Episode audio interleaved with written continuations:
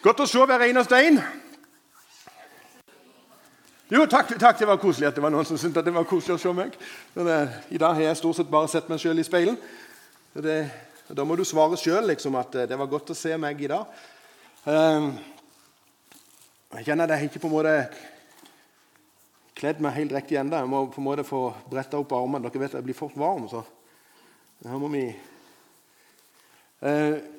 I forbindelse med at det er allhelgenssøndag i dag, så har jeg tenkt jeg har satt en overskrift over denne talen som er utrolig kort overskrift. Den er bare på fire ord, nei, fire bokstaver. Det er bare ett ord, men dette ene ordet her eh, det er allikevel eh, et ord som, som eh, rommer kanskje det mest dyptgripende følelse som et menneske kan erfare, nemlig sorg. Og Da er det jo noen som tenker det at det her kommer til å bli en himlende tørr, tørr, og mørk og dyster tale. Men, men, men, jeg har hatt en bønn når jeg har holdt på å forberede dette. At, at, det ikke skal bli en sånn en tung sak, men at vi skal få lov til å se at det er noe lys midt i det mørke. Og så har jeg tenkt som så at når vi skal på en måte være innom temaet sorg, så jeg har lyst til å tale om sorg i en litt sånn større perspektiv. Ikke bare sorg over de som vi har mista av våre kjære, de som har gått foran oss. Men òg om denne her litt sånn usynlige sorgen som ganske mange mennesker går rundt og bærer på. Altså, Lista er lang, men det å gå med en sorg over ufrivillig barnløshet Eller sorgen over en spontanabort som kanskje veldig få mennesker vet om eller denne sorgen over å være ufrivillig singel.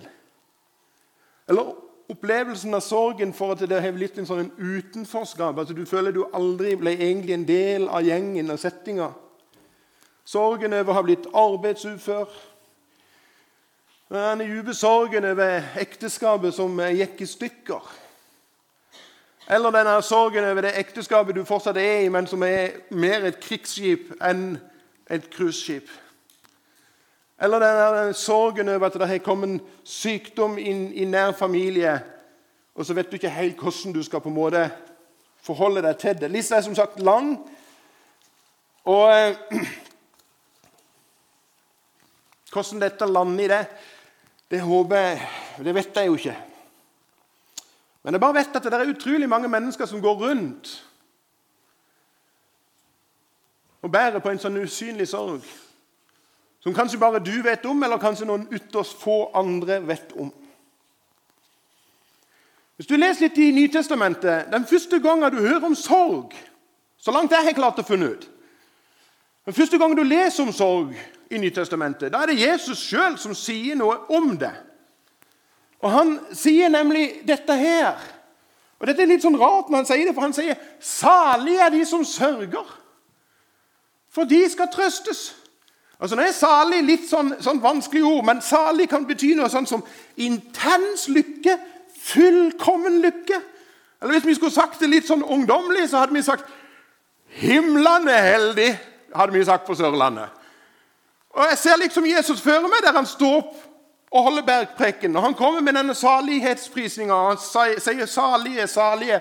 Og Så kommer han til dette med stort smil og så sier han 'Å, himlene heldig er du som sørger'. Og jeg tenker med meg selv, Det må jo ha vært veldig rart.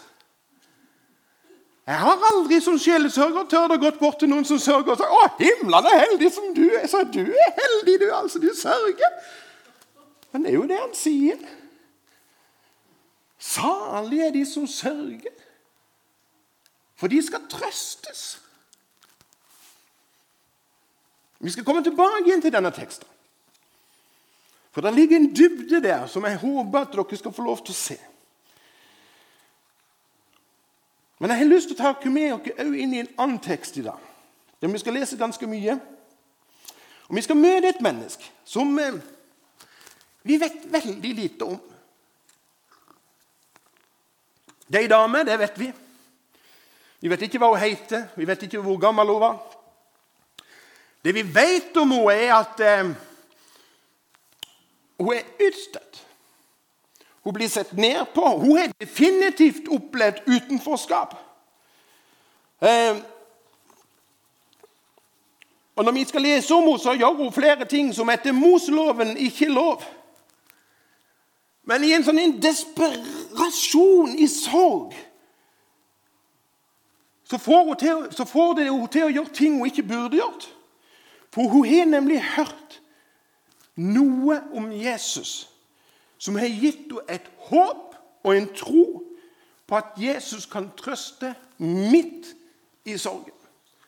Når vi skal lese denne bibelteksten, så kan du få lov til å finne fram Markus. Du har med deg Bibelen. Selvfølgelig har du med deg Bibelen. Du er jo på gudstjeneste. Da har du alltid med deg Bibelen. Denne her kunne vi ha lest både i, i alle de synoptiske, synoptiske evangeliene. altså Matteus, Markus og Lukas kunne vi ha lest om den samme beretninga. Vi skal lese den fra Markus. For Markus broderer det litt mer. Han tar med seg en del detaljer. Og så skal vi spe på med noen ting som kommer fra de andre evangeliene. Så skal vi se en summen av det. Og Før vi leser det, så må jeg få sagt dette. Jesus har vært i en setting der han blir eh, plutselig avbrutt av en synagogeforstander som heter Jairus. Og Jairus kommer stormende sin, kaster seg ned for Jesus sine føtter og er helt desperat på at Jesus, du må bli med hjem, for dattera mi holder på å dø. Og det er når vi i den settinga der at Jesus slipper det han har i hendene, han blir med Jairus, og så kan vi lese videre følgende. Jesus gikk med ham, altså Jairus. Jesus gikk med ham, fulgt av en stor folkemengde som trengte seg innpå ham. Det var en kvinne der som hadde, blø, eh, kvinne der som hadde hatt blødninger i tolv år. Hun hadde lidd mye hos mange leger. Alt hun eide, hadde hun brukt uten å bli hjulpet. Det var heller blitt verre med henne. Altså, Tenk deg det. Altså, dette er kanskje litt vanskelig for dere mannfolk, men prøv å sette dere inn i det. Tenk i tolv år. Alt hun eier, absolutt alt hun eier, har hun brukt på lege som bare har gjort henne verre. Og så er hun blitt utstøtt. For Moseloven sier det at de med blødningen de er ureine, og ikke bare er du urein, men alt du sitter på, alt du ligger på, alt du tar på, gjør deg urein. Med andre ord så er du tilsidesatt i samfunnet. Og prøv å sette deg inn i den situasjonen. At i den tilstanden der har hun levd i tolv år. Og nå gjør hun noe som bryter med alt det hun har lært. Absolutt alt. Hun brøyter seg inn i en folkemengde. Helt og holden fordi hun er dreven av et håp om at et møte med Jesus kan forandre absolutt alt. Hør hvordan står det videre. Hun hadde fått hørt om Jesus og kom nå bakfra. Altså, altså hun, hun, er så skamfull at hun våger ikke å møte ham face to face. Hun kommer smykende seg inn på Jesus. Og så står det det eh, eh, eh, kom bakfra i folkemengden og rørte ved kappen hans. I en av de andre evangeliene så står det hun rørte ved dusken. På, kappa, altså, på de jødiske kappene så var det minst fire sånne små dusker. Og Det er jo litt sånn utrolig at hun prøver å ta tak i en av de, for de duskene var lagd av en eneste grunn og hensikt. Ikke til pynt, men for at de skulle være et minnesymbol på hva loven og budene handler om. Så det hun egentlig gjør, det er at hun toucher det som skal minne om loven, der hun vet sjøl at nå holder jeg på å bryte loven for alt den er verdt. For her trenger jeg meg på Hvor var vi henne? Om jeg så bare får røre ved klærne hans, blir jeg frisk?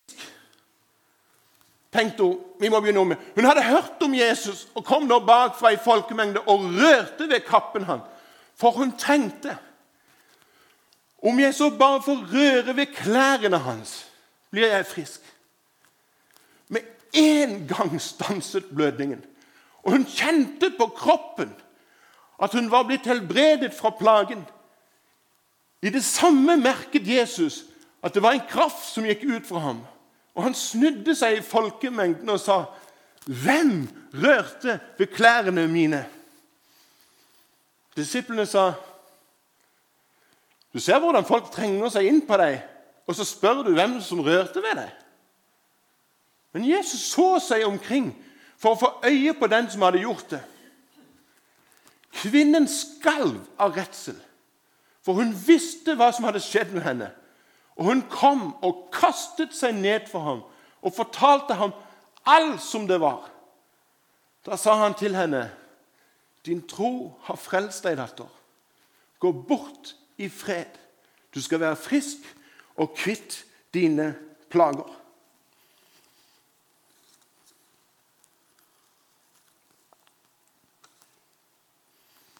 Bærer du på en sorg som ingen kjenner noen ting til, eller kanskje ytterst få? En sorg som du av en eller annen grunn prøver å holde skjult. Og så stiller du opp i forskjellige sammenhenger. Og så holder du fasaden. For er det noe vi er gode til, så er det å holde fasaden. Men på innsida så er det en sånn en svart klump av smerte. Og så tar du deg sammen og smiler til de som er rundt deg. Hele tida for at ingen skal få muligheten til å få vite på hvordan er det egentlig det står til med deg. Vet du noe? Hvis du har det sånn, så har jeg lyst til å gi deg et råd. Og jeg vet at det rådet jeg skal gi nå, det, det kan oppleves som sånn suppetynt. Det er nesten litt sånn klisjéaktig. Og litt sånn typisk en pastor å si noe sånt, liksom. Altså, Var det det beste du kunne kommet opp med, Tore? Men hør Jeg har lyst til å oppfordre deg til å gjøre det samme som det vi hørte jenta gjorde. Nemlig søk Jesus. Det høres så simpelt ut. Og Noen av dere vil kanskje si det har jeg gjort mange ganger. Og så har du en erfaring at Jesus har liksom ikke svart deg midt i sorgen allikevel. Og så er sorgen bare av den grunn opplevd som enda større. Og Jeg har ofte tenkt at vi pastorer og sjelesorgere vi har av og til kommet med noen sånn kjappe råd. Jeg har selv opplevd det å stå midt i svarteste sorgen, og så er det kommet noen opp og som egentlig ville det så godt, og så kom de med noe sånn svada. Som bare Jeg kjente jeg ble så sur, jeg hadde lyst til å klappe til dem. vet du. Men jeg er jo pastor, som gjør jo ikke sånt. Men himmelen har lyst har jeg. Men allikevel så jeg har jeg lyst til å si Søk Jesus.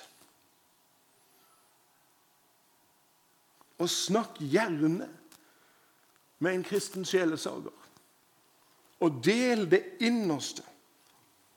Grunnen til at jeg sier det, er at fordi jeg snakker av erfaring. En god del av dere kjenner kanskje til det, men for ca. to år siden så forretta jeg en begravelse. Smellfullt kapell. Og Foran meg så står det ei bitte lita kiste. Og I den så ligger vårt barnebarn som bare ble åtte dager gammel. Og Jeg skal prøve å være pappa og bestefar og pastor midt oppi alt dette. Og jeg husker jeg hadde fått ei linje som jeg delte med forsamlinga. Som gjorde at jeg hadde, For jeg hadde sett noe, for jeg har talt noe her en gang for mange år siden. Det står en beretning om at det er utrolig mange disipler som stikker fra Jesus, som ikke vil ha noe mer med han å gjøre. Og Så snur Jesus seg til de andre, de nærmeste disiplene sine og så spør han, vil dere òg gå ifra meg? Og så svarer Peter med et motspørsmål, og så sier han dette her. Herre, hvem skal vi gå til? Altså, hva er alternativet? Hvis ikke vi skal gå til deg, hvem skal vi da gå til? Altså, Jenta mi nettopp leste. Hun hadde forsøkt absolutt alt mulig annet. Men folkens, det er faktisk ikke noe bedre plass å gå med sorg og smerte Og som sagt, jeg snakker erfaring av dette her. Enn å gå med det til Jesus. Altså, I Gamle testamentet så stender det dette som en mor trøster barnet sitt. Slik trøster jeg dere. Jeg syns det er så bra når Gud blir framstilt som en mamma. Altså Der du får lov til å komme med hele deg og får lov til å sette altså Hvem av oss har ikke kommet hjem til mor med full skademelding og, og, og full flyalarm og alt i hop og bare viste at det er bare én ting som funker nå, det er mamma og ingenting annet? Og så tar Gud oss i sin omsorg og løfter oss og omslutter oss og trøster oss. Det er ikke det jeg sier at, eh, at når vi går til Jesus, opplever vi alltid at eh, sorg og smerte og ting bare skjer like plutselig som det denne dama opplevde. Jeg har sett mange ganger at det skjer momentant helbredelse, så det tror jeg på. Og det ber vi om, og det kan fortsatt skje. Absolutt. Men jeg har òg sett at Jesus virker i en langsom prosess, der han former ting i oss og skaper noe helt nytt i oss, så våg å snakke med Jesus. Våg å søke ham. Og snakk med noen. Og snakk gjerne med noen. og Dette er det ikke alle kristne som er klar over, men det er faktisk en nådegave. Og Vi står og vi skal søke nådegave, men én nådegave handler om å være trøster. Trøstens nådegave. Gå gjerne til de menneskene og søk trøst. Jeg har lyst til at Vi skal gå tilbake igjen til den teksten vi neste leste. Og Det er en dyp sannhet i den teksten som en veldig fort kan gå glipp av. Man blir mest så utrolig imponert over at jenta blir helbreda. Sånn, bang, ferdig, og så er hun frisk. Og så går en glipp av et litt større bilde. For Hvis du har lest noen ganger i Nytestamentet, så har du kanskje lagt merke til at det er, ganske, det er flere plasser det står at mennesker strakk seg ut og tok på Jesus sin kappe, og så ble de helbreda. Men dette, folkens, det vi leste nå, det er den eneste gangen at Jesus stopper opp. Og Det er som om at Jesus skjønner vet du noe, her funker det ikke mer med en helbredelse på det fysiske. Her trengs det noe som stikker dypere. For denne her dagen her, folkens, den teksten vi nettopp leste, så er det ikke bare sorgen over tolv år med blødning som får sin sluttdato. Nei, nei, nei. nei. Det er nemlig en djupere sorg som ethvert menneske som bærer, som får en sluttdato akkurat i dette situasjonen her. Har du, har du tenkt på hvorfor i all verden er denne her jenta så utrolig redd? Altså, Du skulle jo trodd at hvis du har hatt en blødningssykdom i tolv år, og så skjønner du at jeg er helbredet, så skulle du jo trodd at hun var sånn yeah, yeah, yeah, yeah.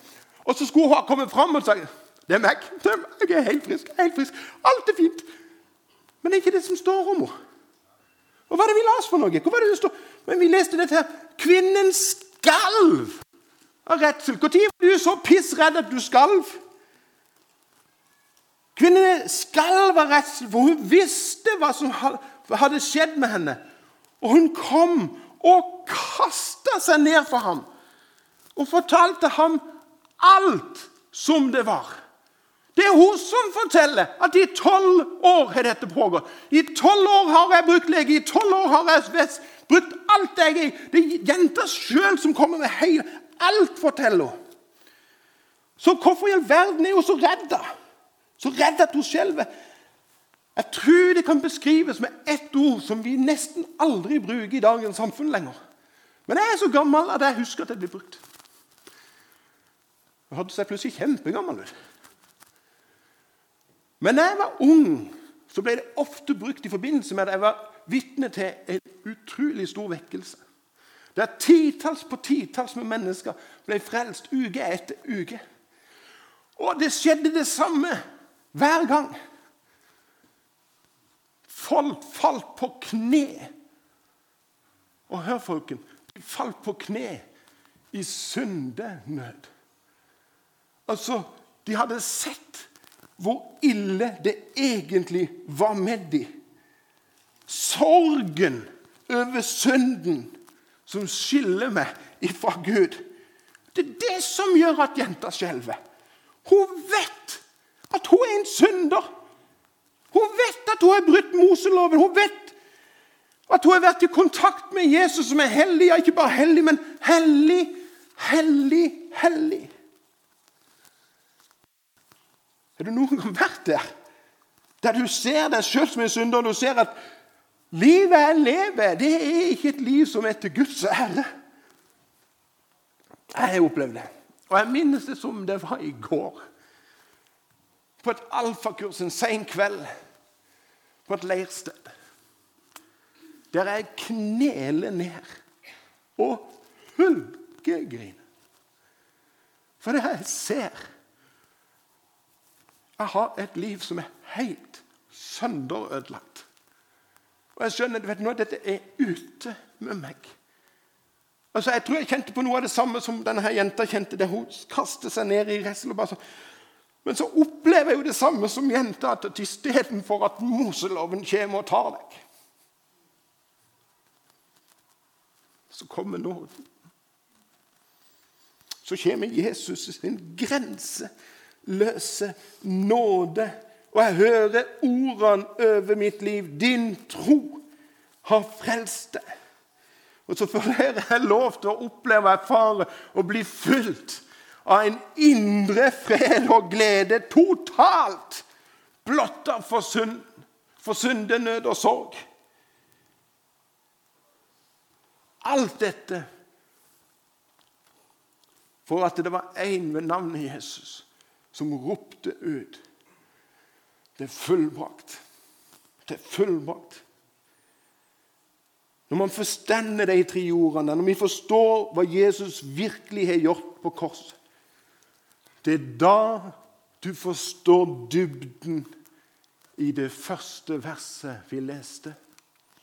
Salig er de som sørger, for de skal trøstes. For syndens sorg blir vaska bort i en nådestrøm ifra korset. Der, med korsfoten på kne foran Han som har gjort absolutt alt. Der erfarer vi den største trøsten av de alle. Og det er når den trøsten er stilna Da er det noe som faller på plass i ethvert menneskes liv. Og den varer inn i en evighet. Derfor har jeg bare lyst til å slutte å si uansett hva slags sorg du måtte bære på, søk ham. Søk Jesus, som fortsatt står med åpne armer. Og han tar imot absolutt alle som sørger. Og vet du noe? Ikke nok med han tar de imot. Han trøster dem. Han trøster dem. Han vet din smerte. Han kjenner din sorg. Og han trøster deg. Og han trøster deg. Og han trøster deg. Skal vi be. Jesus, jeg takker deg for det at eh, vi kan komme med absolutt alt til deg takker deg for det at eh, du trøster oss. Du omslutter oss. Jeg takker for det at du har møtt oss på vårt djupeste sorgpunkt. Jeg takker deg for det at vi kan komme og bekjenne all vår synd til deg. Og så har du allerede tatt vår synd, nagla det til korset, sånn at vi kan stå ren og rettferdig og himmelen verdig Jesus. Det priser jeg deg for. Takker deg for det at eh, du aldri slutter med å invitere mennesker inn til deg inntil den dagen du kommer og henter oss hjem. Jesus. Jeg ber deg, Jesus, for hver eneste en som går og bærer på en sorg. Jeg ber deg, Jesus, om at de kjenner at de kan gå til deg med den. Og erfare at du trøster. I Jesu navn. Amen.